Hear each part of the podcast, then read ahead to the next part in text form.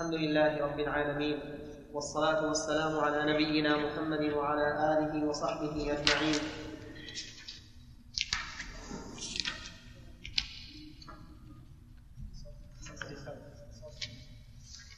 صفحة مئة. قال المصنف رحمه الله تعالى القسم الثالث أن ينضم إلى العادة ما يزيدان بمجموعهما على أكثر الحيض فلا تخلو من حالين. أحدهما أن تكون ذاكرة لعادتها فإن كانت غير مميزة جلست قدر عادتها واغتسلت بعدها وصلت وصامت لقول النبي صلى الله عليه وسلم لفاطمة بنت أبي حبيش دع الصلاة قدر الأيام التي كنت تحيضين فيها ثم اغتسلي وصلي متفق عليه. وإن كانت مميزة ففيه وإن كانت مميزة ففيها روايتان. إحداهما تعمل بالعادة لهذا الحديث والأخرى تعمل بالتمييز وهو اختيار الخرقي لما تقدم من أدلته. الحال الثاني أن تكون ناسية لعادتها فإن كانت مميزة عملت بتمييزها لأنه دليل لا معارض له فوجب العمل به كالمبتدأة. وإن لم تكن مميزة فهي على ثلاثة أضرب.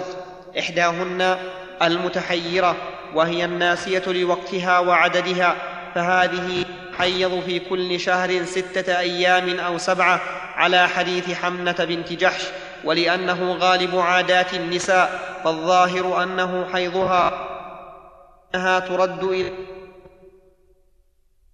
وقيل فيها الروايات الأربع حيضها من أول كل شهر في أحد الوجهين لقول النبي صلى الله عليه وسلم تحيض في علم الله ستة أيام أو سبعة أيام من كل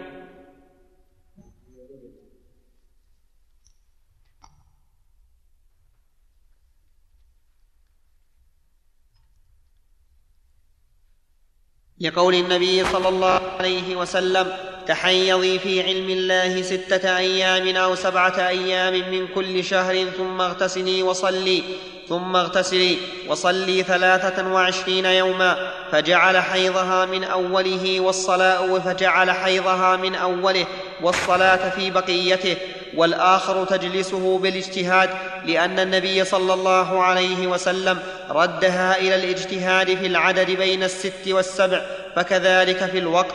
وإن علمت أن حيضها في وقت من الشهر كالنصف الأول ولم تعلم موضعه ذلك إلا أن اجتهادها يختص بذلك الوقت دون غيره. الضرب أن تعلم عددها وتنسى وقتها نحو أن تعلم أن حيضها خمس ولا تعلم ولا نحو أن تعلم أن حيضها خمس ولا تعلم لها وقتا فهذه تجلس قدر أيامها من أول كل شهر في أحد الوجهين وفي الآخر تجلسه بالتحري وإن علمته في وقت من الشهر مثل أن علمت أن حيضها في العشر الأول من الشهر. الأول. مثل أن علمت أن حيضها في العشر.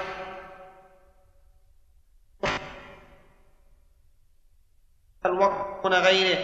الضرب الثالث ذكرت وقت نسيت عددها مثل أن تعلم أن اليوم العاشر من حيضها ومثل أن تعلم أن اليوم العاشر من حيضها ولا تدري قدره فحكمها في قدر ما تجلسه حك فحكمها في قدر فحكمها في قدر ما تجلسه حكم المتحيرة. ولحيض فإن علمته أول حيضها بقية أيامها بقية وإن جلست الباقي قبله وإن لم تعلم أوله ولا آخره جلست مما يلي أول أحد الوجهين وفي الآخر تجلس بالتحري. فصل ومتى ذكرت بسم الله الناسية الرحمن أظنكم هذا كله فاهمين. والمطلوب المطلوب من النساء أن يعرفن هذا. ومعروف ومعلوم أن طلبة العلم لا يدركون هذا. نعم. كيف؟ ما تسمعون.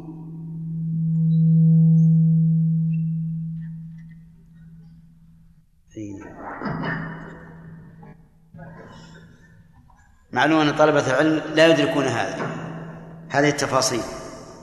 والصحيح في هذا كله أن المستحاضة ترجع إلى عادتها إن كان لها عادة.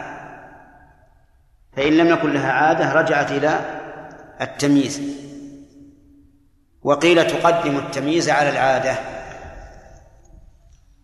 فمن قال فمن أخذ بالأول وهو الرجوع إلى العادة قال لأن النبي صلى الله عليه وآله وسلم قال دع الصلاة قد أيام التي كنت تحيضين فيها. ولم يفصص ولم يستفصل. لم يقل هل لك تمييز أو لا. ولأن هذا أريح أريح للمرأة وأقل مشقة فكان أولى. وأما من قال ترجع للتمييز فقال لأن المرأة إذا استفيضت فربما تتغير عادتها فيلغى الرجوع إليها ويؤخذ بالتمييز. والتمييز أو المميزة هي التي يكون دمها متغيرا أسود وأحمر ثخين ورقيق منتن وغير منتن. فالأسود والثخين والمنتن هو الحيض والأحمر والرقيق والذي لا رائحة لا رائحة له هو الاستحاضة وذكر بعض الأطباء المتأخرين أن دم الحيض لا يتجمد. ودم الاستحاضة جمد فهذا يكون فرقا رابعا. هذا إلى عادتها على القول الراجح. فإن نست عادتها أو لم يكن لها عادة مضطردة أو ما أشبه ذلك فإنها ترجع إلى التمييز والتمييز علاماته أربعة أربع علاماته أربع. اللون والملمس والرائحة نعم والتجمد فاللون هو أن دم الحيض أسود والملمس دم الحيض ثخين والرائحة دم الحيض منتن والتجمد دم الحيض لا يتجمد إذا خرج. أما ما ذكر المؤلف رحمه الله من هذه التفاصيل فهي ما ليس عليها دليل ليس عليها دليل. والأمر أيسر من ذلك لأن اللاتي استحضن في عهد الرسول عليه الصلاة والسلام بضع عشرة امرأة يقول ارجعي إلى عادك عادتك أو ارجعي للتمييز وتعرف النساء وتمشي. نعم. اي سؤال عقب نعم. نعم. فصل. ومتى ذكرت الناسية عادتها رجعت إليها لأنها تركتها للعجز عنها فإذا زال العجز وجب العمل بها لزوال العارض. فإن كانت مخالفة فإن كانت مخالفة لما عملت قضت ما صامت من الفرض في مدة العادة وما تركت من الصلاة والصيام فيما خرج عنها لأننا تبينا أنها تركتها وهي طاهرة. ولا تصير المرأة هذا خلاف الصحيح. صحيح أن ما فعلته عن اجتهاد فلا شيء عليه. فكيف نقول له اجلس لا تصلين؟ الأول وأن هذا هو حكم الله ثم بعد ذلك نقول ارجعي وقضي الصلاة. الصواب أنه لا شيء عليه. كما لو أن الإنسان آه، أطعم عن الصوم ثم عوفي فإنه لا يعيد الصوم. أو أقام من يحج عنه لعجزه عنه ثم عوفي فإنه لا يعيد الحج. نعم. ولا تصير المرأة معتادة حتى تعلم حيضها وطهرها وشهرها ويتكرر وشهرها هو المدة التي يجتمع لها فيها حيض وطهر. فيه. سم؟ فيه ولا فيها؟ فيه. نعم. وشهرها هو المدة التي يجتمع لها فيه حيض وطهر وأقل ذلك أربعة عشر يوما يوم للحيض وثلا يوم للحيض وثلا وثلاثة عشر للطهر.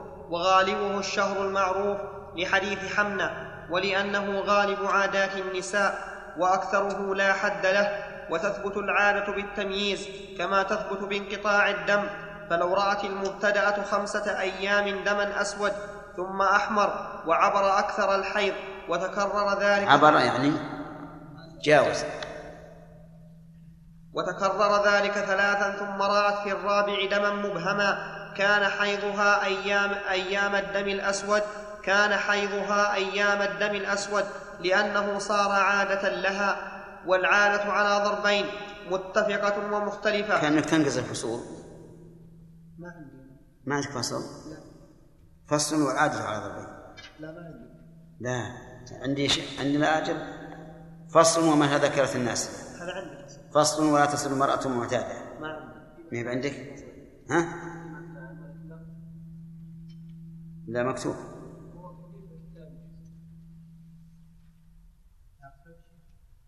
نعم. اي اكتب فصل مبيض الا هذا؟ فعلا يعني عندنا له مكان. اي فصل. والعادة على ضربين متفقة والعادة على ضربين متفقة ومختلفة فالمتفقة مثل من تحيض. مقصود يا شيخ. مقصود الصوت يشوش فالمتفقة مثل من تحي مثل من تحيض خمسة, خمسة من كل شهر والمختلفة مثل من تحي من تحيض في شهر ثلاثة وفي الثاني أربعة وفي الثالث خمسة ثم يعود إلى الثلاثة ثم إلى أربعة على هذا الترتيب أو في شهر ثلاثة وفي الثاني خمسة وفي الثالث أربعة ثم تعود إلى الثلاثة فكلما أمكن ضبطه من ذلك فكل فكل ما أمكن إيه،. إيه، غلط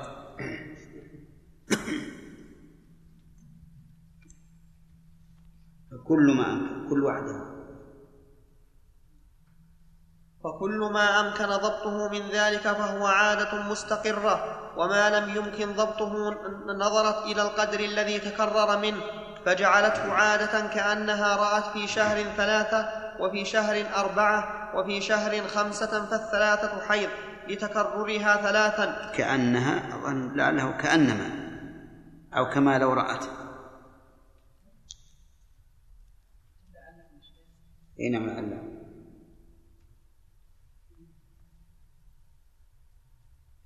كما لو رأت في شهر ثلاثة وفي شهر أربعة وفي شهر خمسة فالثلاثة حيض لتكررها ثلاثا. فإذا رأت في الرابع ستة فالأربعة حيض لتكررها ثلاثا فإذا رأت في الخامس سبعة فالخمسة حيض وعلى, وعلى هذا ما تكرر فهو حيض وما لا فلا. باب في التلفيق. إذا رأت يوما دما ويوما طهرا فإنها تغتسل وتصلي في زمن الطهر لقول ابن عباس لا يحل لها إذا رأت الطهر ساعة إلا أن تغتسل. ثم إن انقطع الدم لخمسة, لخمسة عشر في ف ثم إن انقطع الدم لخمسة عشر فما دون. فجميعه حيض.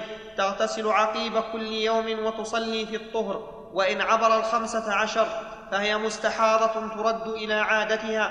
فإن كانت عادت فإن كانت عادتها سبعة متوالية جلست. وما وافقها من الدم. جلست ما وافقها. ما وافقها؟ نعم. فإن كانت عادتها سبعة متوالية جلست ما وافقها من الدم فيكون, فيكون حيضها منه ثلاثة أيام أو أربعة وإن كانت ناسية فأجلسناها فأجلسناها؟ نعم. وإن كانت ناسية فأجلسناها سبعة فكذلك. وإن أجلسناها أقل الحيض جلست يوما وليلة لا غير. وإن كانت مميزة ترى يوما دما أسود ثم ترى نقاء ثم ترى أسود إلى عشرة أيام ثم ترى دما أحمر وعبر رد ردت إلى التمييز. فيكون حيضها زمن الد- زم فيكون حيضها زمن الدم الأسود فيكون حيضها زمن الدم فيكون حيضها زمن زمن زمن إيش هذه؟ الدم الأسود فيكون حيضها زمن الدم الأسود دون غيره ولا فرق بين أن ترى الدم زمنا يمكن أن يكون حيضا كيوم وليلة أو دون ذلك كنصف يوم ونصف ليلة فإن كان النقاء أقل من ساعة فالظاهر أنه ليس بطهر لأن الدم يجري تارة وينقطع أخرى وقد, وقد قالت عائشة لا تعجلن وقد قالت عائشة لا تعجلن حتى ترين القصة البيضاء. هذا هذا مما اختلف فيه العلماء أيضا. إذا صارت ترى يوما دما ويوما نقاء فالدم حيض والنقاء ظهر. وعلى هذا تغتسل في الأسبوع سبع مرات. إذا طهرت اغتسلت وصلت فإذا جاء الحيض امتنعت فإذا طهرت منه اغتسلت. وقال بعض أهل العلم إن هذا كله حيض لأن الطهر يوما هذا ليس طهرا إنما هو يبس أو نشاف. يعتبر كله حيضا ولا تحيض ولا تغتسل حتى ينقطع مرة واحدة. وقال وقال بعض العلماء فصل كما قال الموفق هنا إن كان ساعة أو نحوها فهو حيض فالساعة ليست بطهر. وإن زاد على ذلك فالدم حيض والنقاء طهر. وشيخ الإسلام رحمه الله يرى أنه أنه حيض. أن الطهر الذي لا يكون انقطاعا بينا فهو حيض. لأن كثيرا من النساء يعني تنشف ما بين طلوع الشمس إلى غروبها أو غروبها إلى طلوعها أو ما أشبه ذلك. وكان بعض السلف إذا سئل عن الحيض قال ارجع إلى امرأتك. لأن النساء أعرف منا بذلك. نعم. وقد وقد ذكرت لكم أن شيخنا رحمه الله روى لنا عن بعض الطلبة أنه عجز عن تصور باب الحيض.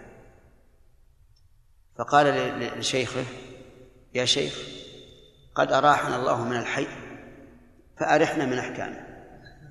نعم لأنه حقيقة الفقهاء رحمهم الله يعني شددوا ولو رجعتم أيضا لكتب الشافعية لوجدتم أشد وأشد. أظن في شرح المهذب 150 صفحة كتاب الحيض من التفاصيل التي تخلي الإنسان يدور رأسه. فالأقرب أن أن ما قاله شيخ الإسلام هو الصواب. أن مجرد انقطاع الدم لمدة يسيرة بحيث لا يكون أكثر من الدم فإنه يكون تبعا للحيض نعم. نعم. الجو؟ لعله يعوض عن البرد السابق اللي قبل العشاء. ما بقي إلا كم بقي؟ كم بقي؟ ها؟ ها؟ ربع ساعة على إيش؟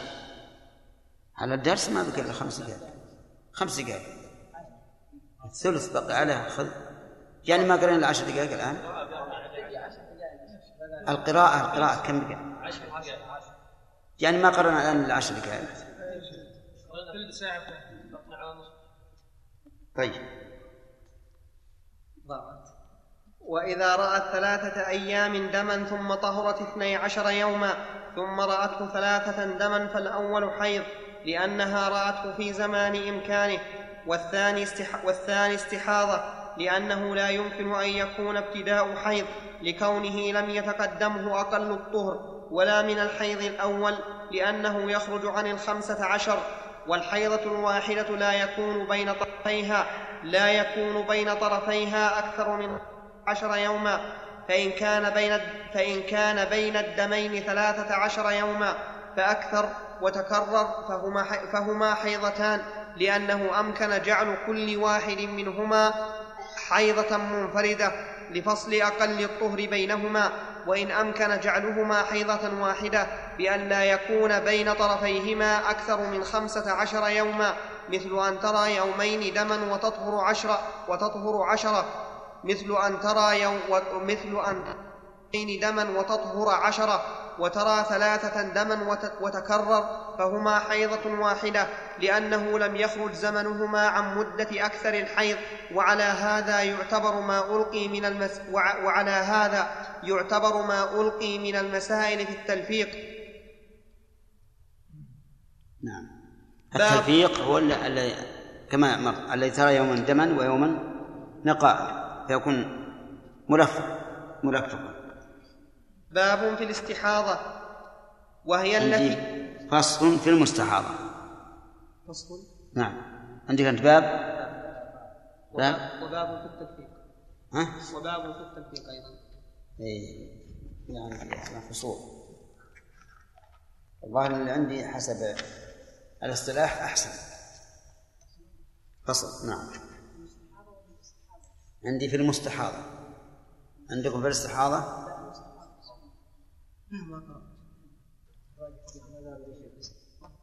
لا مذهب الشيخ الإسلام لأنه ما دام ما دام الطهر أقل من الحيض من الدم أو مماثل له فهو من الدم.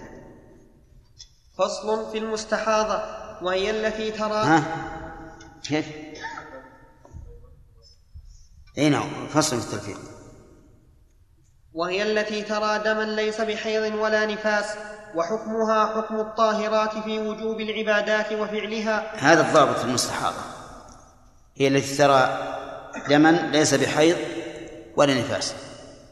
وهذا وإن كان تعريفا بالنفي لكن ما دام ما دامت الدماء صورة في دم الحيض والنفاس وما عداهما فإنه يصح التعريف بالنفي. كما تقول الحرف ما ليس اسما ولا فعلا والفعل ما ليس اسما ولا حرفا. كذلك هنا الدم ما ليس ما ليس بحيض ولا نفاس يسمى دم استحاضة. وقال بعضهم المستحاضة ما تجاوز دمها أكثر الحيض. ولكن ما ذكره المؤلف أعم أعم وأشمل. أن المستحاضة ما ترى دما أو من ترى دما لا يصلح أن يكون حيضا ولا نفاسا. نعم. وحكمها حكم الطاهرات في وجوب العبادات وفعلها لأنها نجاسة غير معتادة. أشبه سلس البول فإن اختلط حيضها باستحاضتها فعليها الغسل عند انقطاع الحيض. لو قال لو قال المؤلف كما قال الرسول عليه الصلاة والسلام. لأنه لأنها دم عرق فالنبي عليه الصلاة والسلام قال إن فيها إنها دم عرق نعم. فإن اختلط حيضها باستحاضتها فعليها الغسل عند انقطاع الحيض لحديث فاطمة ومتى أرادت الصلاة؟ ومتى أرادت الصلاة الصلاة؟ غسلت نعم صح. أنا عندي غلست لا غسلت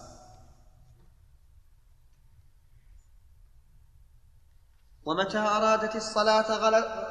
ومتى أرادت الصلاة غسلت فرجها وما أصابها من الدم حتى إذا استنقعت عقبت فرجها واستوثقت بالشد والتلجم ثم توضأت وصلت لما, رو لما روي أن النبي صلى الله عليه وسلم قال لحمنة بنت جحش حين شكت إليه كثرة الدم أنعت لك الكرسف يعني القطن تحشي به المكان.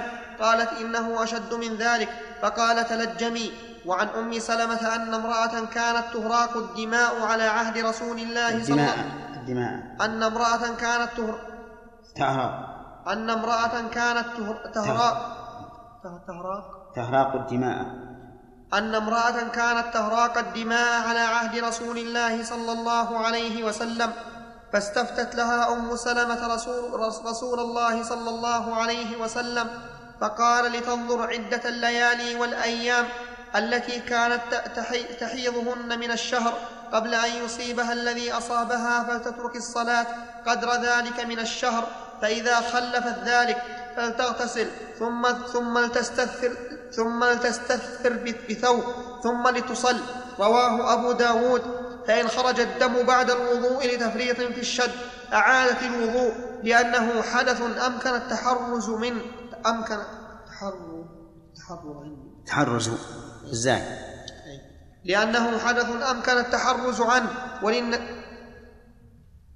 وللنسائي وابن ماجه وللنساء وللنسائي وللنسائي وابن ماجه للنس ما في واو. الظاهر النسائي ها؟ وش الزائد؟ وللنسائي وابن ماجه أحط واو ولا بدون واو؟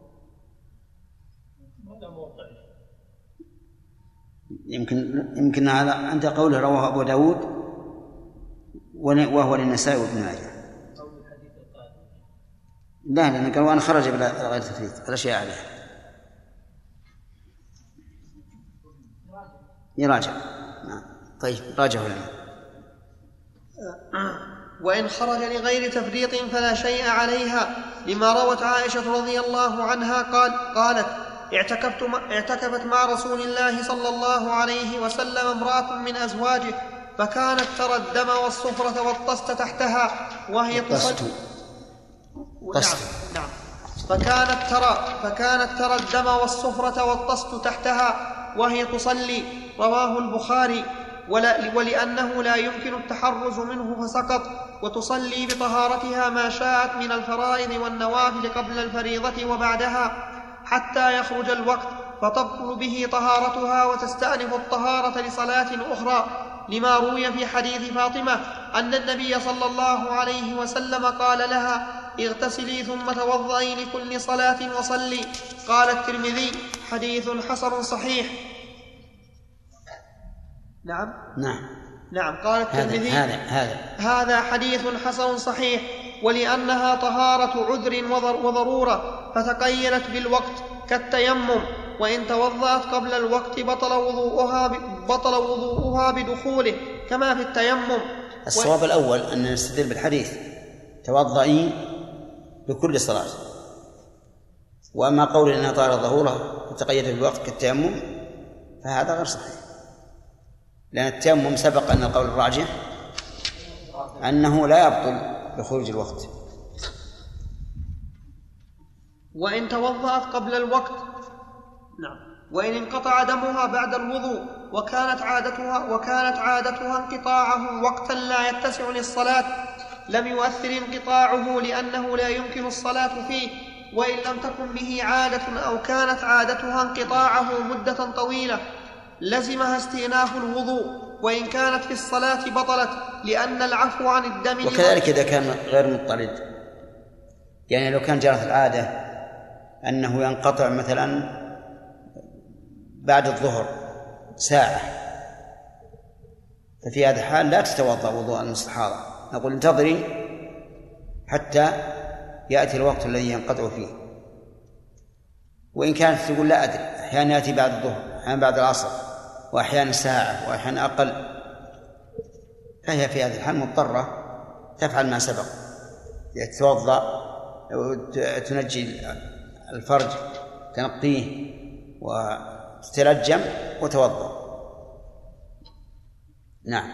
وإن كانت في الصلاة بطلت لأن العفو عن الدم لضرورة جريانه فيزول بزواله وحكم من به سلس البول أو المذي أو وحكم من به سلس البول أو المذي أو الريح أو الجرح الذي لا يرقأ دمه. حكمها في ذلك إلا أن ما لا يمكن عصفه يصلي بحاله. فقد صلى عمر وجرحه يثقب دما.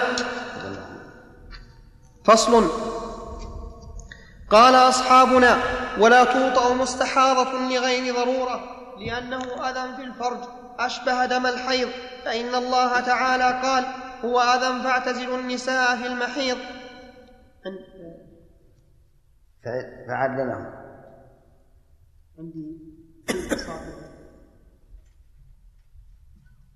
فعلله بكونه أذى وإن خاف على نفسه الحنث أبيح الوطء لأنه لأنه يتطاول فيشق التحرز منه وحكمه أخف. لعدم ثبوت أحكام الحيض فيه وحكى أبو الخطاب فيه عن أحمد عن أحمد. وحكى. وحكى أبو الخطاب فيه عن أحمد فيها روايتان نعم. فيها في المستحاضة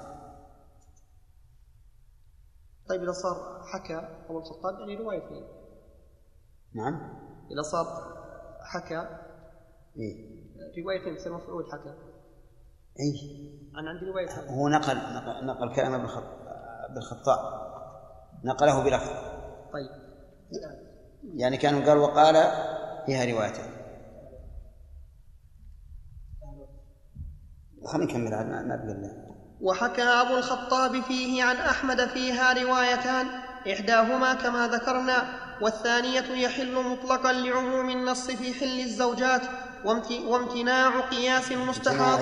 وامتناع قياس المستحاضة على الحائض لمخالفتها لها في أكثر أحكامها ولأن وطأ الحائض ربما يتعدى ضرره إلى الولد فإنه قد قيل إنه يكون مجذوما بخلاف دم الاستحاضة.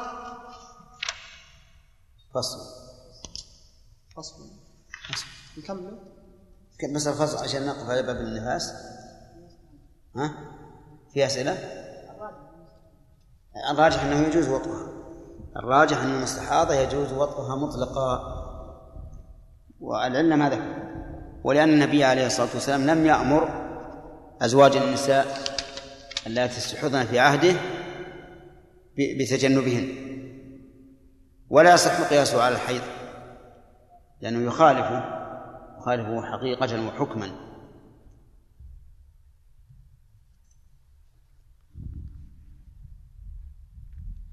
هذا.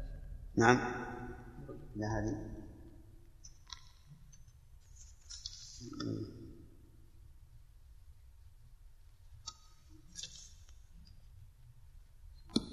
نعم.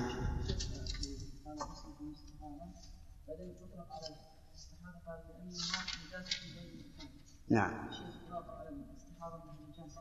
صحيح. هي نجاسة دم يعني الخارج من السبيلين الخارج من السبيلين نجس على كل حال. نعم.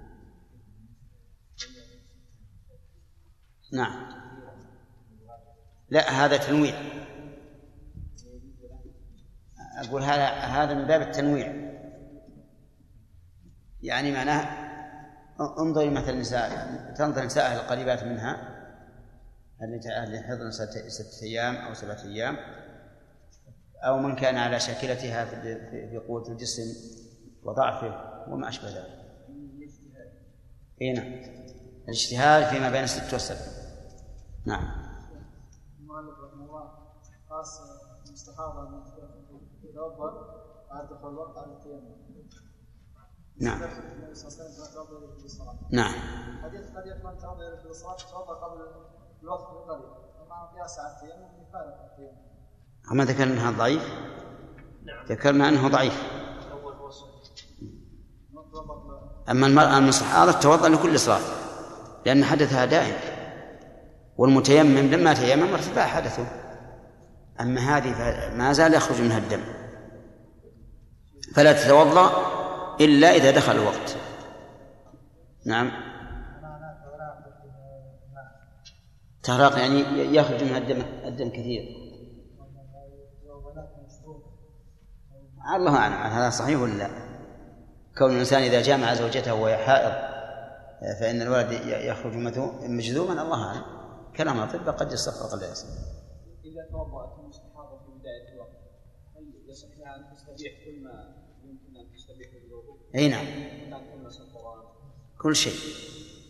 إلى آخر الوقت.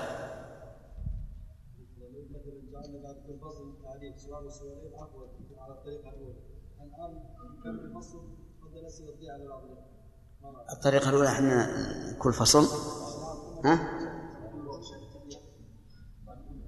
أي بعد كل تعليق. بس عندنا الأخ خالد ما هو. خالد يقول لا تسأله لأن الدرس هذا الحقيقة قراءة مرار هذا متفق عليه في البداية. فلا يجوز أن يخرم لكن حتى كونه مرار ولا يفهم ولا شيء. لا. هو ما يفهم تصير الأسئلة عقب. ما في مانع. نص طيب نوزع عليهم ورق. شلون؟ نوزع عليهم ورق. لا يكتبون ما تكمل الفائدة ها؟ لا بأس. بعد كل فصل. زين. سؤالين؟ سؤالين. ثلاث أسئلة. أو سؤالين. نعم. إي نعم. مخرج يا شيخ. ها؟ في كتاب مؤلف في وين؟ وين؟ ها؟ وين؟ شوف. شوف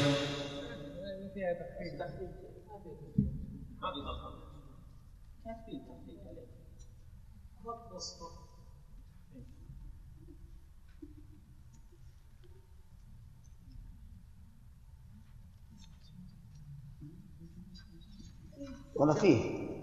صحيح البخاري. على كل حال أنا عندي عندي تسعة مجلدات الكافي لعبد القادر السندي محقه ومخرجنا حديثه لينال به درجة الدكتوراه. لكنه ما هو مطبوع. كتب السنسل طيب إيش؟ نعم. أقول هذا كافي عن تخريجا الآن كافي؟ إيه.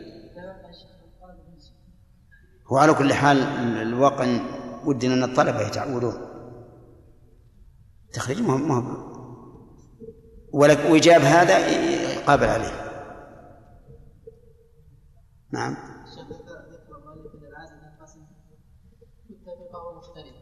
نعم. الراجح أنها تنظر للأغلب. الأغلب من عادة إن كان الغالب خمسة. تجلس خمسة إذا كان الأغلب أربعة تجلس أربعة. طيب شيخ العادة نسأل الإنسان عن يسأل عن الزيادة في كثير من الأحوال. يعني الزيادة الزيادة نرى أن أن تبقى حتى تطهر إلا إذا تجاوز الخمسة عشر. حتى لو تكرر. قليل لو تكرر. لو تكرر صار عادة ستة عشر. في عادة لكن لماذا لا نقول احتاط تصلي إذا هذا مو متكرر لما يتبين ما يمكن وقدم على وتيرة واحدة. لكن إذا كان من عادتها خمسة أيام أو ستة نعم. وجاء في شهر عشرة أو 12 نعم.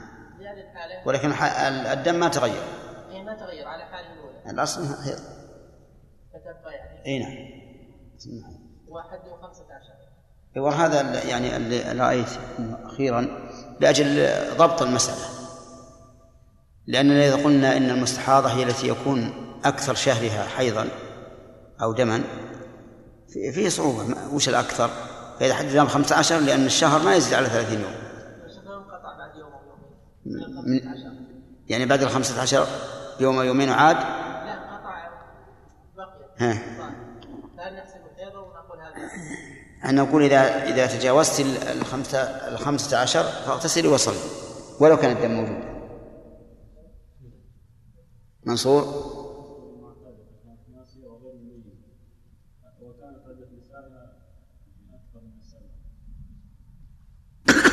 أكثر من سبعة؟ تأخذ بها. الحديث هذا في الغالب. لأن لأن كونها مثل نسائها أقل من كونها مثل غالب النساء. إيش؟ بلى. نعم. ما هذا هذا ما هو هذا ولهذا ليس له رائحة منتنة. ولا إي ما يخالف. جالس يغسل. لو كان بها ثلاث أسبوع. تجامع ولا ما تجامع؟ نعم. وهو نجس. أنجس المده نعم. يلا حجاج. على قول شيخ الإسلام بان الانقطاع تقضي الصلاه كيف؟ على قول شيخ الإسلام إذا بان الانقطاع يعني طال أي. تقضي الصلاه نعم نعم. يتبين أنه طهر وتقضي الصلاه شيخ نعم. السلسل يصيب المرأة. اي كيف؟ يصيبها ها؟ كثيرا كثيرا. لأن سببه استرخاء المثانة. حتى في الرجل استرخاء المثانة. إي نعم. إي نعم. انتهى. الاستدامة أقوى من الابتداء. نعم. أقول الاستدامة أقوى من الابتداء. الجواب الآن. الرحمن الرحيم. الصوت يا شيخ. ها؟ الصوت الحمد لله رب العالمين. والصلاة والسلام على نبينا محمد وعلى آله وصحبه أجمعين. قال الإمام الموفق أبو محمد رحمه الله تعالى في كتاب الكافي فصل ويستحب لها الغسل لكل صلاة لأن عائشة رضي الله عنها روت أن أم حبيبة استحيضت فسألت النبي صلى الله عليه وسلم فأمرها أن تغتسل, أن تغتسل لكل صلاة متفق عليه.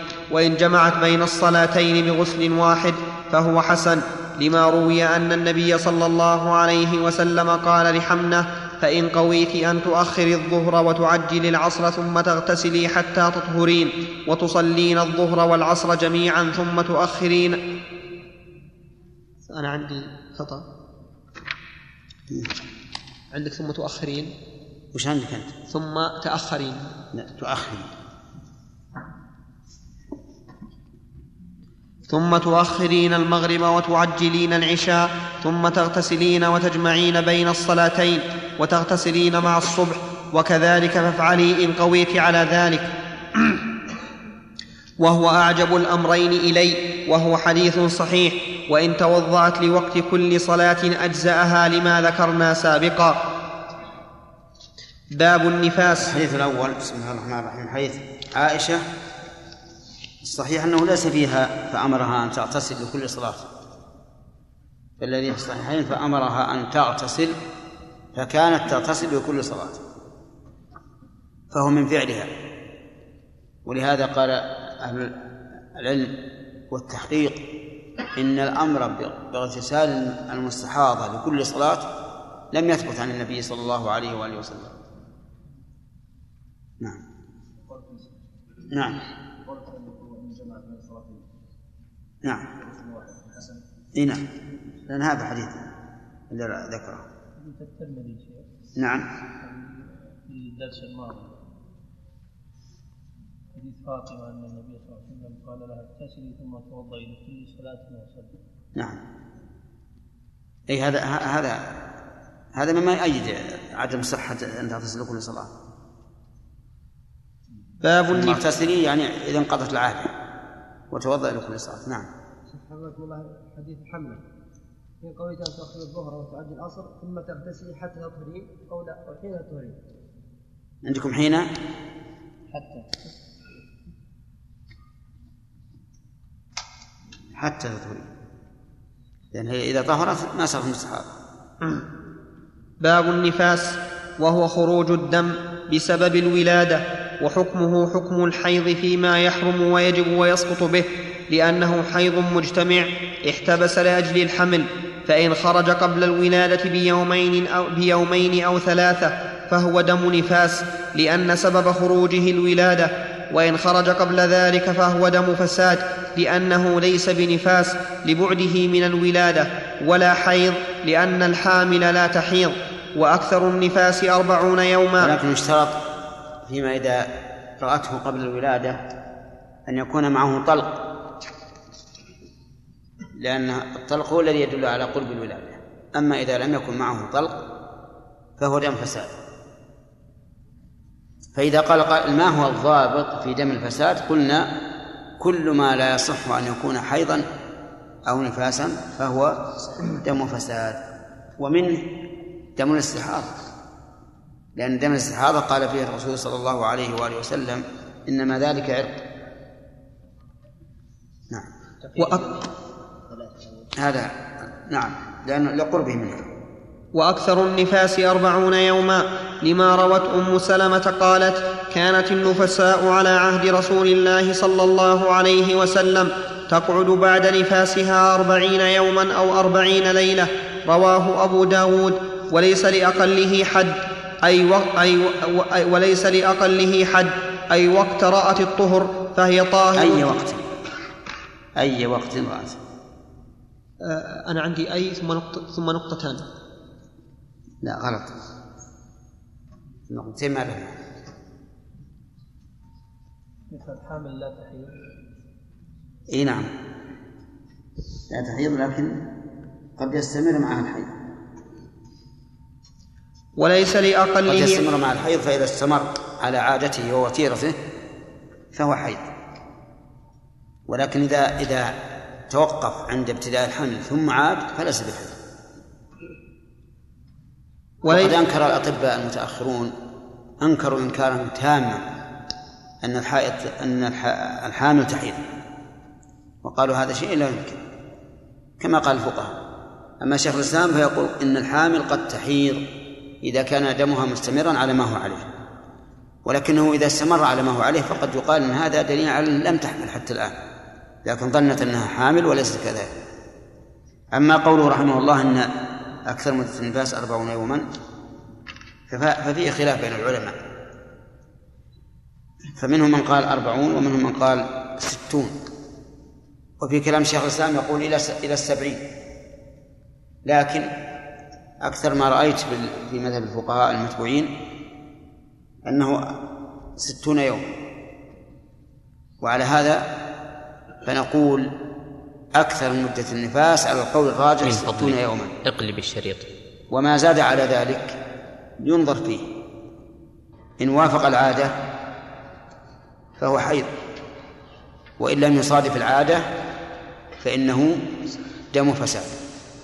وإذا قلنا بأن أكثره أربعون فالحكم كذلك ما زاد على الأربعين فإن وافق العادة فهو حيض وإن لم يوافق العادة فهو دم فساد. أما أقل فلا حد له قد تكون قد يكون يوما أو يومين بل قالوا إنه قد تلد بدون دم إطلاقا. نعم. شيخ. ونعم حيضها مضطرب متى الأسئلة ضابطة يا شيخ؟ نعم. ضابط الأسئلة ما هو؟ ها؟ ما قرينا فصل حتى الآن. أي صحيح صحيح. نعم. وليس لأقله حد أي وقت رأت الطهر فهي طاهر تغتسل وتصلي ويستحب لزوجها الإمساك عن وطئها حتى تتم الأربعين فإن عاودها الدم في مدة, في مدة النفاس فهو نفاس لأنه في مدته أشبه الأول وعنه أنه مشكوك فيه تصوم وتصلي وتقضي الصوم احتياطا لأن الصوم واجب بيقين فلا يجوز تركه لعارض مشكوك فيه ويجب قضاؤه لأنه ثابت بيقين فلا يسقط بفعل مشكوك فيه ويفارق الحيض المشكوك فيه لكثرته وتكرره ومشقة إيجاب القضاء فيه. يعني كثرة الحيض. سم؟ لكثرته يعني كثرة الحيض.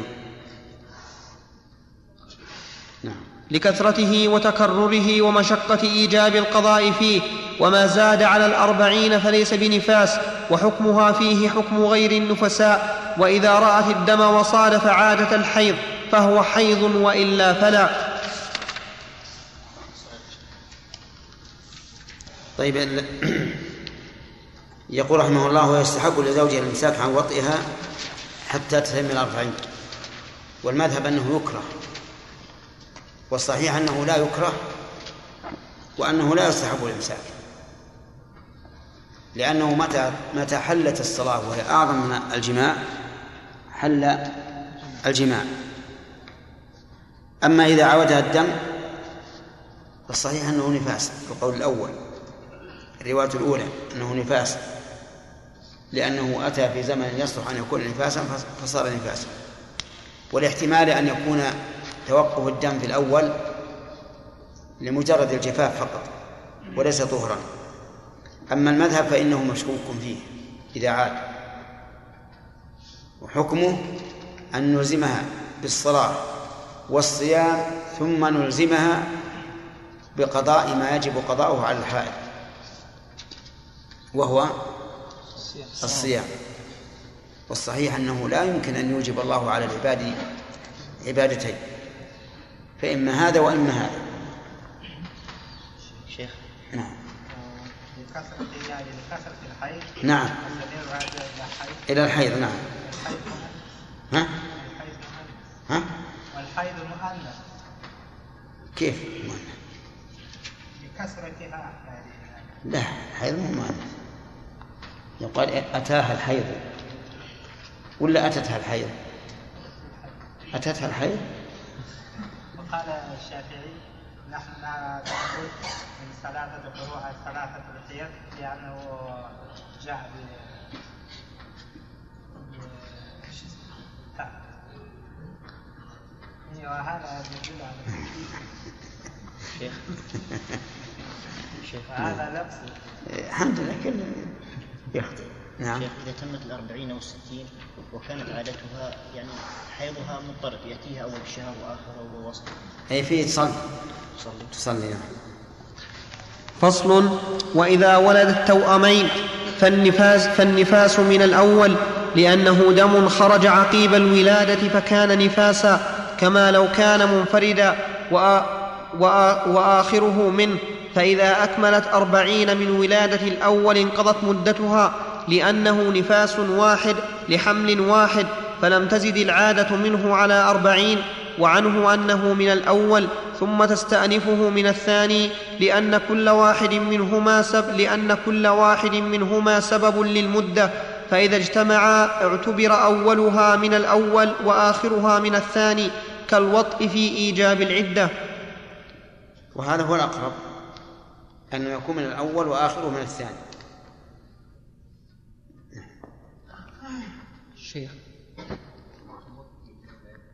نعم. أي نعم. يعني كما أنه يجب إذا وطئ زوجته أن تستأنف العدة. فكذلك هذا إذا إذا ولدت تستأنف مدة النفاس. شيخ. نعم. كم عمر الجنين أحسن الله إليكم الذي يحصل به النفاس؟ ما تبين فيه خلق الإنسان كم يمضي عليه من يوم؟ هو الغالب إذا مضى ثمانين يوما بدأ يخلق. وقد لا يخلق. لقوله تعالى مضغة مخلقة وغير مخلقة.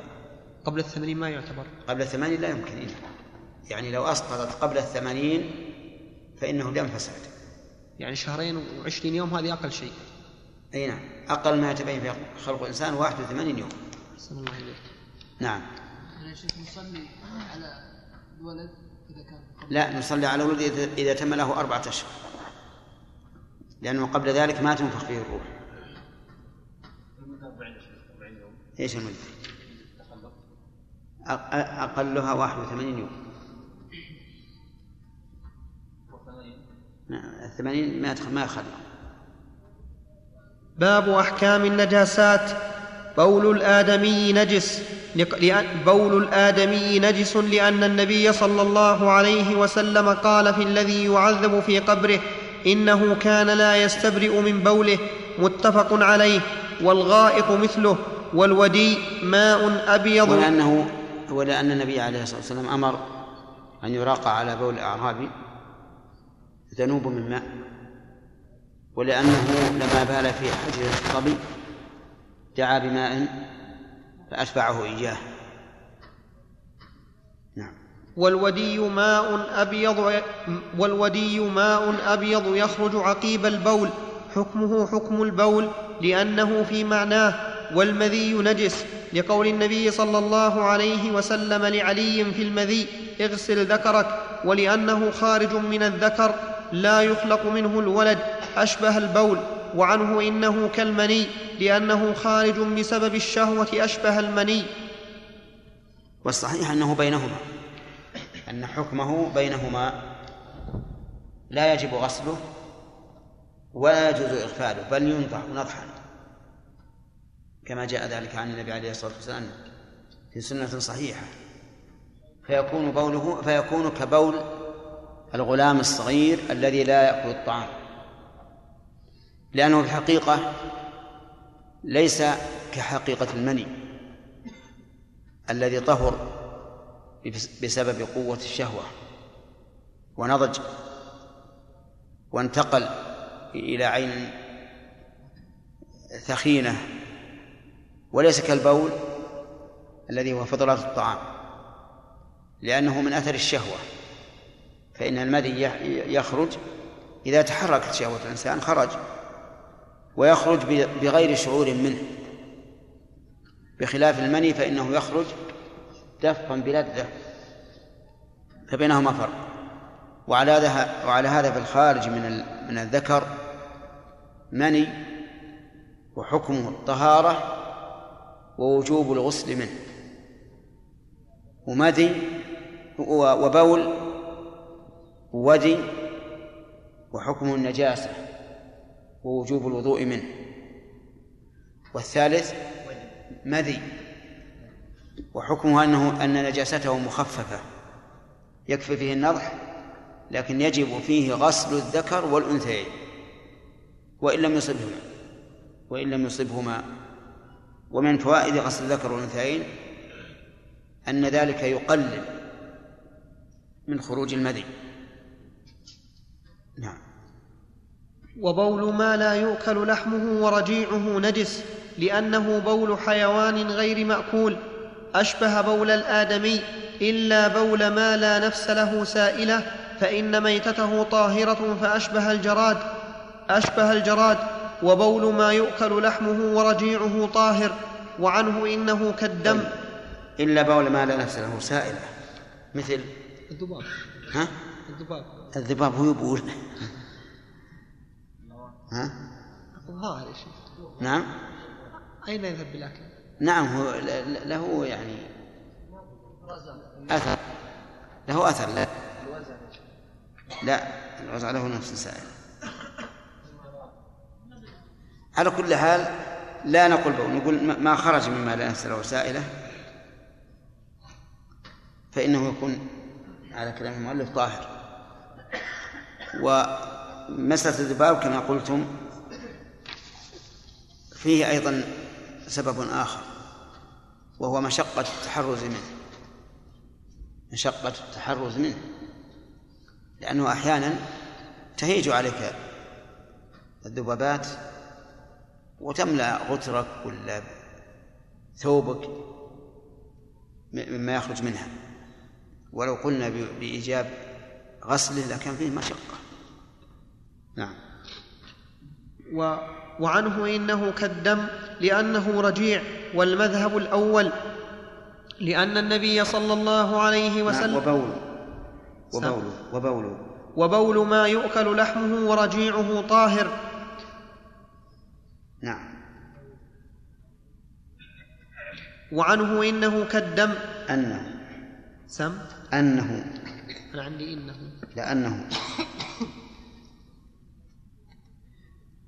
وعنه أنه كالدم لأنه رجيع والمذهب الأول لأن النبي صلى الله عليه وسلم قال صلوا في مرابض الغنم حديث صحيح وكان يصلي فيها قبل بنائه المسجد. ونعم وكان يصلي فيها قبل بناء مسجده. وقال للعرنيين انطلقوا إلى إبل الصدقة فاشربوا من ألبانها متفق عليه. عندك يا شيخ ألبانها ولا أبوالها؟ عندي من ألبانها. لكن لو أضافوا أبوالها هو الشاهد. نعم. البانها هو أبوالها.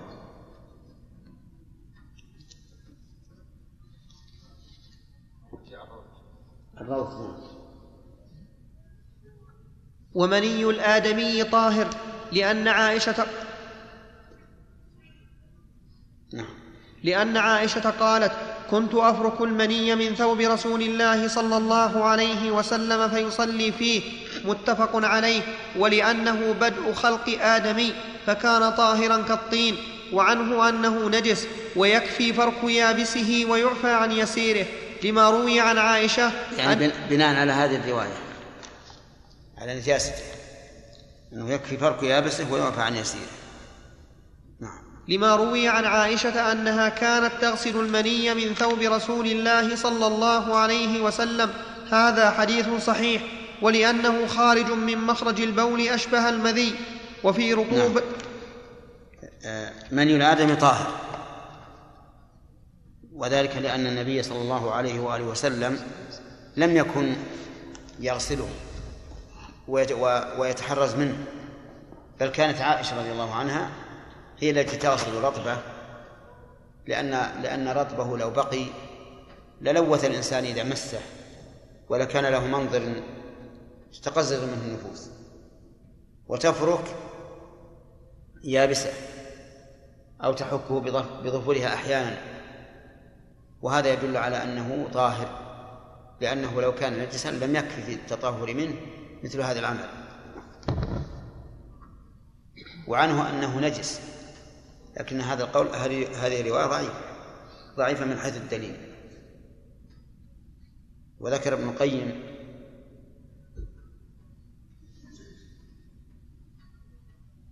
أن ابن عقيل رحمه الله كان يناظر رجلا في هذه المسألة فمر به جماعة وقالوا ما لك يا أبا علي؟ يا أبا عقيل. قال أنا أجادله لأقول له إن أصلك طاهر. وهو يجادلني ليقول لي إن أصله نجس. نعم. فرق بين هذا وهذا. نعم. ولأنه خارج من مخرج البول أشبه المذي وفي رطوبة فرج المرأة روايتان إحداهما نجسة لأنها بلل من الفرج لا يخلق منه الولد أشبه المذي. والثانية أنها طاهرة لأن عائشة كانت تفرك المني من ثوب رسول الله صلى الله عليه وسلم وهو من جماع لأن الأنبياء لا يحتلمون وهو يصيب رطوبة الفرج والقيء اصبر طيب فرج بس. القي مبتدأ. سم. أي نعم. أقول القي مبتدأ. وهو يصيب رطوبة الفرج والقيء رطوبة فرج المرأة طاهر على القول الراجح. لما ذكر من كون عائشة تفرك المنية من ثوب رسول الله صلى الله عليه وآله وسلم وهو من جماع. ولأن المشقة في التحرز منه شديدة لأن بعض النساء دائما يخرج معها هذا الشيء. فلو قلنا بالنجاسة لأدى ذلك إلى مشقة عظيمة. ولكن الوضوء ما رأى لم أرى أحدا قال إنه لا ينقض إلا ابن حجر ابن حزم. فإنه قال إنه لا ينقض الوضوء. ولكن الذي يظهر لي أنه ينقض الوضوء لأنه خارج من السبيل. والخارج من السبيل في الأصل ينقض الوضوء. فإن قال قائل كيف نجمع بين الحكم بطهارته وكونه لا ينقض الوضوء؟ وكونه ينقض الوضوء. قلنا نجمع بأن الريح تخرج من دبر الإنسان وهي طاهرة. ومع ذلك تنقض الوضوء بالنص. لا ينصرف حتى يسمع صوتا أو يجد ريحا. نعم؟ هي نعم طاهرة بعض الفقهاء قال لو حمل قربة فساء وهو يصلي فإن صلاته لا تبطل. ليش؟ لأنه طاهر. لكن هذا مما يصوره الفقهاء رحمه الله تمرينا للطالب وإلا مستحيل إن الإنسان يجمع قربة كاملة. لكن لكن يمكن شيء صغير. يمكن شيء صغير. ولكن اللي يوضح المسألة أن الإنسان لو فسى وثوبه رطب. أو ما بين أليتيه رطب. لو قلنا بنجاسة الريح لوجب غسل الثوب وغسل ما بين ما بين الفخذين لأن الريح تمر به ولكنها طاهرة. طيب المهم أن أن ما يخرج من فرج المرأة من الرطوبة العادية هذه طاهرة. أما لو كان الذي يخرج يخرج من المثانة بأن تكون مع بأن يكون مع المرأة سلس بول فهذا معروف أنه نجس, نجس. نعم.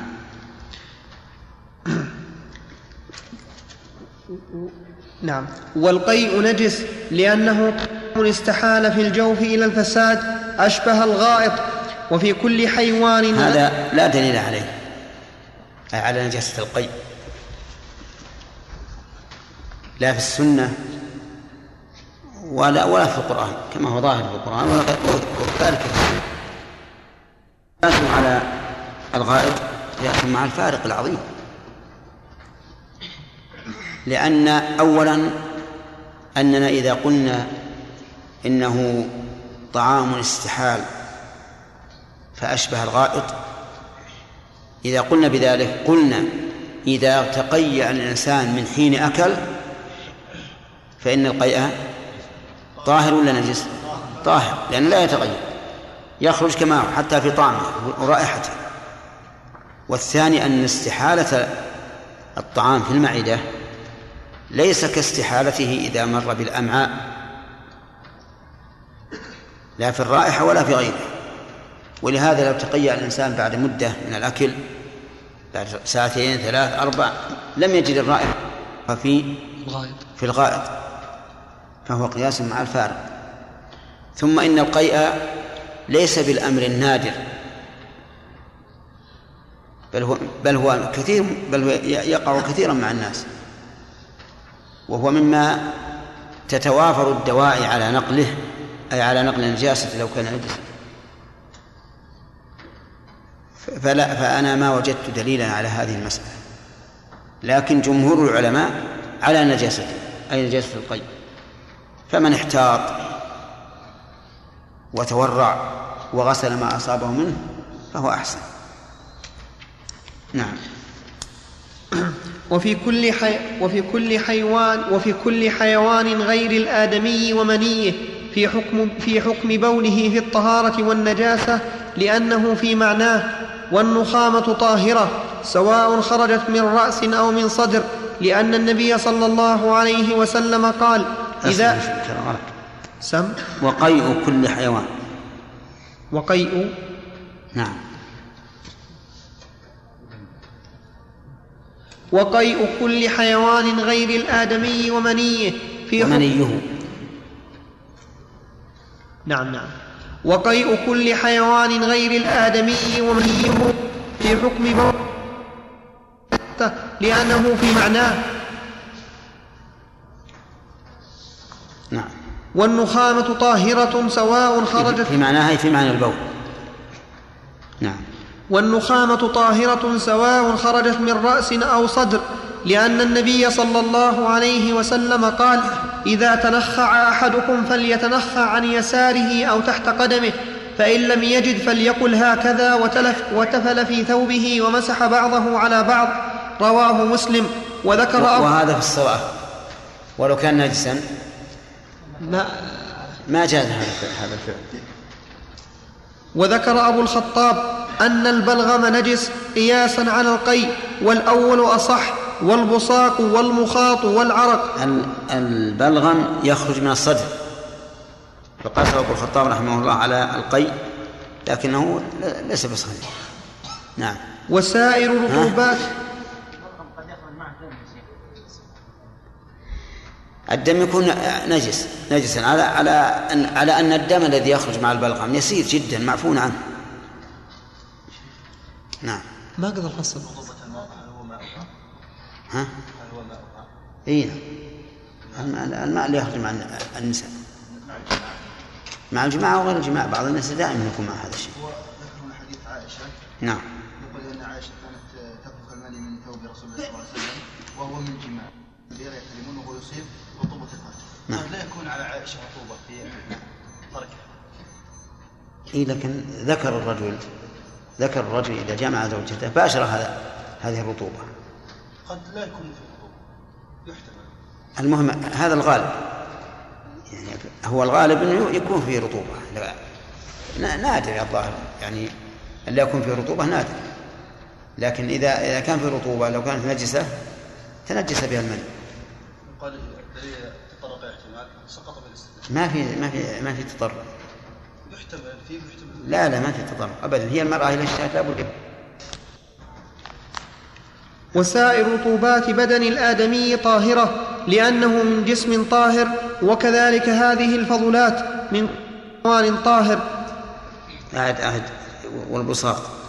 والبصاق والمخاط والعرق وسائر رطوبات بدن الآدمي طاهرة لأنه من جسم طاهر وكذلك هذه الفضلات من كل حيوان طاهر. نعم. هذه فضلات من كل مثل الهرة. وما دونها في الخلطة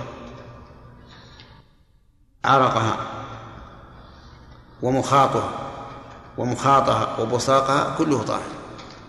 وكذلك على قول الراجح من الطاهر بالحياة الحمار والبغل فإنهما من الطاهر بالحياة لأنهما من الطوافين عليه. فيكون مخاطه و وعرقه يكون طاهرا. فلو نخر الحمار حولك وأصابك من رذاذ نخره فهو فهو طاهر. هنا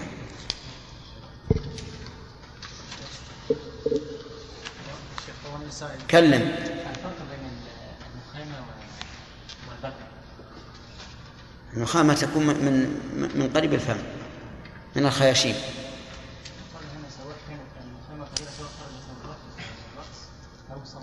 لا إذا قيل نخامة بلغة. أما إذا قيل نخامة فقط في تعم بعض النبي صلى الله عليه وسلم سئلت هل كان النبي صلى الله عليه وسلم يصلي في الثوب الذي دمع فقالت نعم إذا لم يرى في هذا. نعم. فهذا لفظة أذى. الله سبحانه وتعالى قال نعم. المحيض أنه أذى. نعم. وهذا نجس المحيض نجس سماه الله سبحانه وتعالى أذى والمني كذلك. نعم. الأذى هو ما يؤذي. والقدر هو النجس. أما قوله تعالى في المحيض قل أذى فهو أذى للمرأة. أذية للمرأة. تتأذى به وتتألم منه.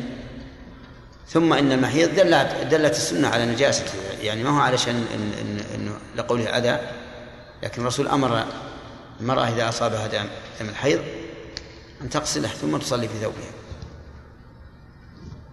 وليس كل آذى يكون نجسا فهذا ال- ال- البصل أذى يتأذى به الإنسان وليس بنجس. نعم. أحسن الله إليكم. ذكرنا في مقدمة الزاد أن الريح إذا خرجت على مكان طاهر كان لها ريح. فإن كان هنا الريح إن كان لها رائحة. نعم. وجب غسل ما خرجت عليه. نعم. وإن لم يكن لها ريح فإنه لا يلزم غسله. لا ما ما أظن. ثلاثة نعم. ثلاثة. ومخاط كلب الصيد كيف؟ صار ومخاط كلب الصيد. اي نعم. نجس؟ لعله يجي. فصل والد باقي وقتها فصل والدم نجس لقول النبي صلى الله عليه وسلم لأسماء في الدم اغسليه بالماء متفق عليه. ولأنه نجس لعينه بنص القرآن أشبه الميتة إلا نعم. نعم. ها؟ كيف؟ لا. جعلناها أربعين. نعم نعم. هو كان لما كان الأسد عقب. إلا, نعم. إلا دم السمك فإنه طاهر. لأن ميتته طاهرة مباحة وفي, وفي دم ما لا نفس له سائلة كالذباب والبق والبراغيث والقمل. روايتان إحداهما نجاسة إحداهما نجاسة نجاسته.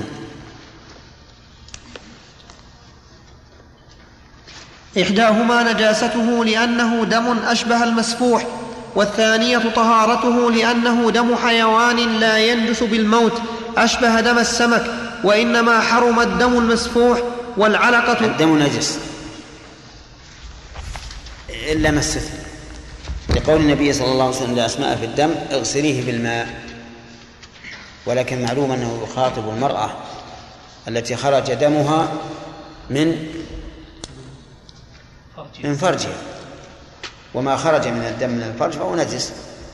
حتى دم الاستحاضة على القول الراجح. ولأنه نجس بعين لعينه بنص القرآن أشبه الميتة.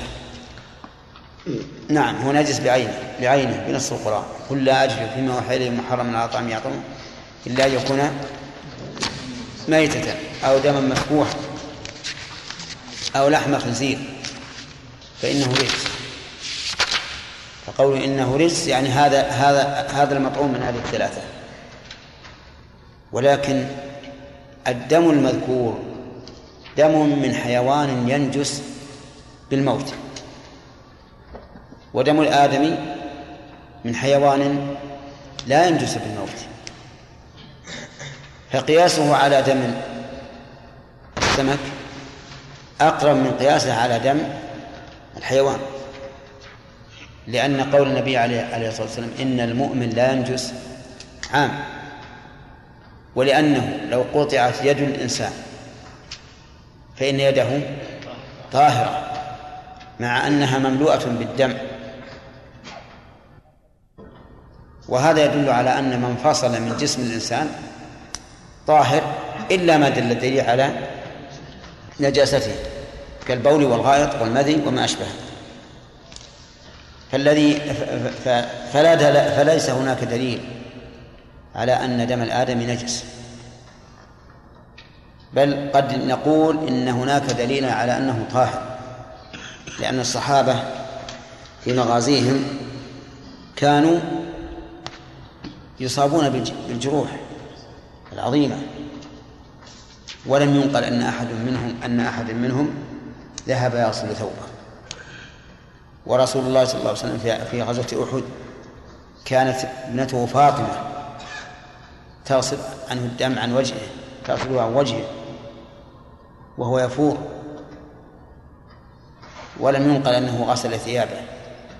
منه مع أن الغالب أنه يتناثر على على الثياب. والأصل في الأشياء الحل فيما يؤكل والطهارة فيما يؤكل حتى يقوم دليل على النجاسة. وأما قوله أشبه الميتة فنقول نعم. فما ميتة الآدمي إذا أشبهها؟ طاهر. نعم. والثانية طهارته إلا دم السمك. يقول فإنه طاهر. وعلل قال لأن ميتته طاهرة. وهذه العلة إذا جعلناها صحيحة قلنا ودم الآدم طاهر لأن ميتته طاهر طاهر. نعم. عمر صلى وهو إي نعم. يعني لو أن الإنسان تطهر منه لكان أحسن وأبعد عن كراهة المنظر وعن خلاف العلماء لأن جمهور العلماء على أن دم الادم نجس يعفى عن يسيره حتى أن بعضهم حكى الإجماع على هذا. لكن الصحيح أنه لا إجماع في المسألة وان وأن المسألة تحتاج إلى نظر. لأنه دم حيوان. لا ينجس. ما فيه شيخ أسئلة ما كملنا ثلاثة. ولا انتهى الفصل حتى الآن. لأنه دم حيوان. لا ي... وفي وفي دم وين الشيخ؟ وفي دم ما لا نفس له سائل في آخر آه، آخر الصفحة أشبه أشبه. آه. وفي دم وين يا ياسر؟ نعم. وفي دم ما لا نفس له سائلة كالذباب والبق والبراغيث والقمل روايتان. إحداهما نجاسته لأن ما لا نفس له سائلة يعني ما, ما لا دم له يسيل. المراد بالنفس الدم. يعني الذي لا يسيل دمه دمه طاهر. في في روايتين. نعم. روايتان. إحداهما نجاسته لأنه دم أشبه المسفوح. والثانية طهارته لأنه دم حيوان لا ينجس بالموت أشبه دم السمك وإنما حرم الدم المسفوح. طيب وال... إذن في هذا جاءت العلة مرة ثانية. دم حيوان لا ينجس بالموت فيكون طاهرا. والصحيح أنه طاهر أن الدم من هذا لأنه يسير. ودم من حيوان طاهر في الحياة وطاهر بعد الموت أيضا. نعم. أشبه دم السمك وإنما حرم الدم المسفوح. هكذا يا شيخ عندك؟ نعم. والعلقة يعني وإنما المحرم هو الدم المسفوح إيه. وهذا ليس مسفوحا ما له دم يسير. وإنما الم... وإنما حرم الدم المسفوح. نقف على هذا. لا نكمل الفصل والعلقة. والعلقة نجسة لأنها دم خارج من الفرج أشبه الحيض وعنه أنها طاهرة لأنها بدء خلق آدمي أشبهت المني والقيح نجس لأنه دم استح. الأولى هي الظهر لما رأى أن أحمد قال هما أخف حكما من الدم لوقوع الخلاف في, نجس في نجاستهما وعدم النص فيهما وما بقي من أنهما ظاهران صحيح؟ أنهما طاهران. وما بقي من الدم في اللحم معفو عنه. ال- القيح والصديد الذي يكون في الجروح. مادة بيضاء. وكذلك ماء الجروح. أحيانا يكون الإنسان ينفض جسمه بحبات إذا مسها جرى الماء منها. بعد حروق أو غير ذلك هذه أيضا طاهرة. نعم. وما بقي من الدم في اللحم معفو عنه ولو علت حمرة الدم القدر لم يكن نجسا لأنه لا يمكن التحرز منه. سبحان الله. غريب التعلم هذا.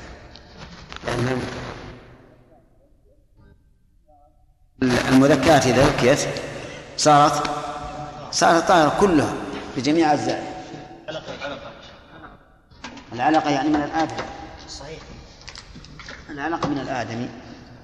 والصحيح أنها إذا صححنا بأن دم الآدمي طاهر فهي من باب أولى.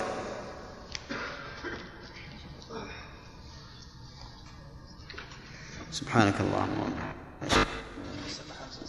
بسم الله الرحمن الرحيم. الحمد لله رب العالمين. والصلاة والسلام على نبينا محمد وعلى آله وصحبه أجمعين. قال الإمام الموفق. نعم. قال الإمام الموفق أبو محمد رحمه الله. فصل والخمر نجس. لقول الله تعالى إنما الخمر والميسر والأنصاب والأزلام رجس من عمل الشيطان فاجتنبوه ولأنه يحرم تناوله من غير ضرر فكان نجسا كالدم والنبيذ مثله.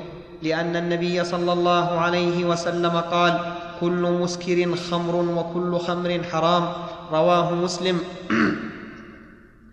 ولأنه شراب فيه شدة مطربة أشبه الخمر. الخمرة بسم الله الرحمن الرحيم. يقول مالك رحمه الله الخمر نجس. ثم استدل بقوله تعالى إنما الخمر والميسر والأنصاب والأزلام رجس من عمل الشيطان فاجتنبوه. لعلكم تفلحون. أما الحكم في قول الخمر نجس فهذا عليه جمهور أهل العلم أنه نجس. ومن أدلته هذه الآية. إنما الخمر أدلة هذا القول هذه الآية. إنما الخمر والميسر والأنصاب والأزلام رجس من عمل الشيطان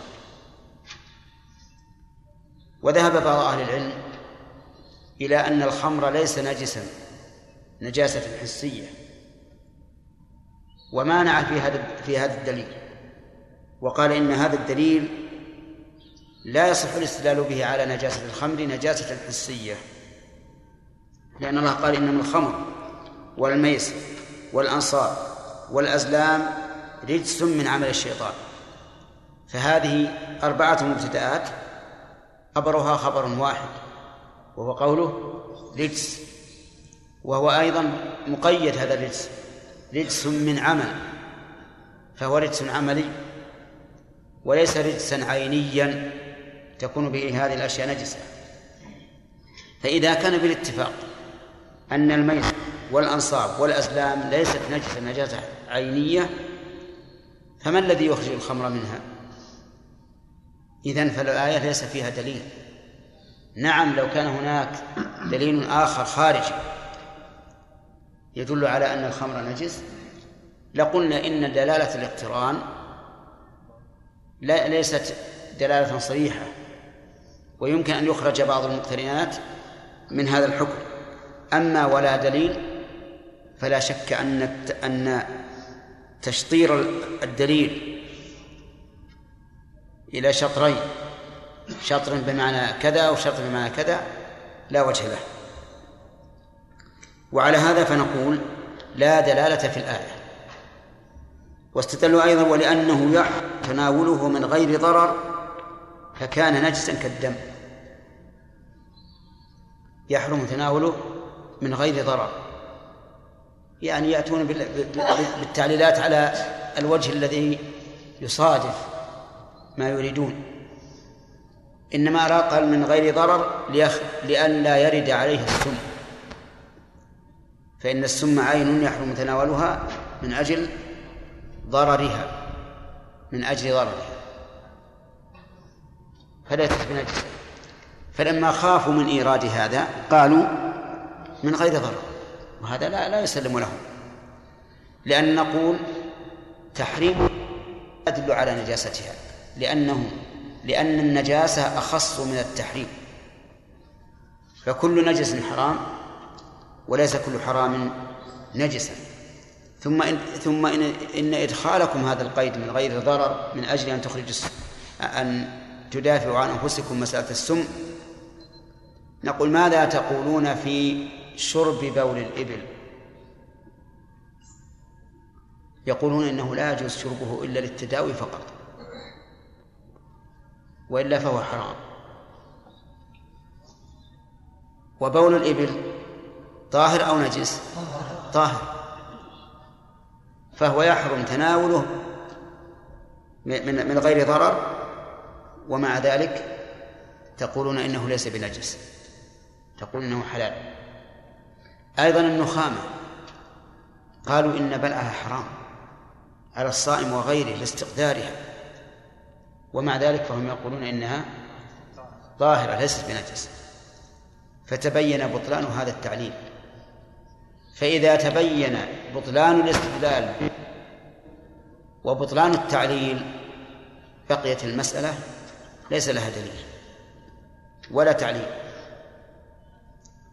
فنرجع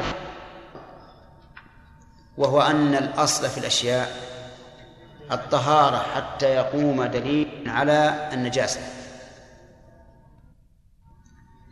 والتحريم لا يلزم منه التنجيس. وبهذا يمكننا أن ندفع أو أن يتبين القول بكونه لا دليل عليه.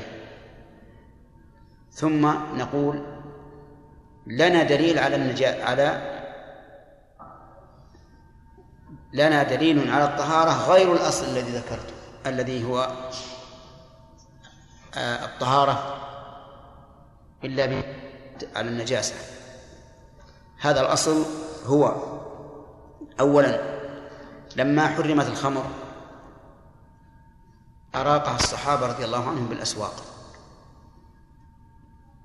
ولو كانت نجسة ما أراقوها بالأسواق لأن ذلك ينجس مين ينجس المارة ولهذا نهى النبي عليه الصلاة والسلام عن التخلي في الطرقات لئلا مارة بها. فلو كانت الخمر نجسة لا لم تنع الصحابة إراقتها في الأسواق. فإن قال قائل هذه الخمر لعلهم صنعوها قبل العلم قلنا وليكن ذلك. وليكن ذلك. لكن الآن صارت حراما. صارت الآن حراما. لو شربوها لآثموا وحين كون وحين صارت حراما لم تكن نجس. إيش؟ نجس, نجس. لأنهم أراقوها في الاسواق ثالثا هل أمرهم الرسول عليه الصلاة والسلام بأن يغسلوا الأواني بعدها؟ لا. ما أمرهم. كانت نجسه لامرهم بغسل الاواني منها. كما أمرهم بغسل الاواني من لحوم الحمر حينما حرمت في خيبر. ثالثا أنه قد ثبت في صحيح مسلم أن رجلا أتى براوية من خمر فأهداها إلى الرسول صلى الله عليه وآله وسلم. فقال النبي صلى الله عليه وآله وسلم إنها حرمت.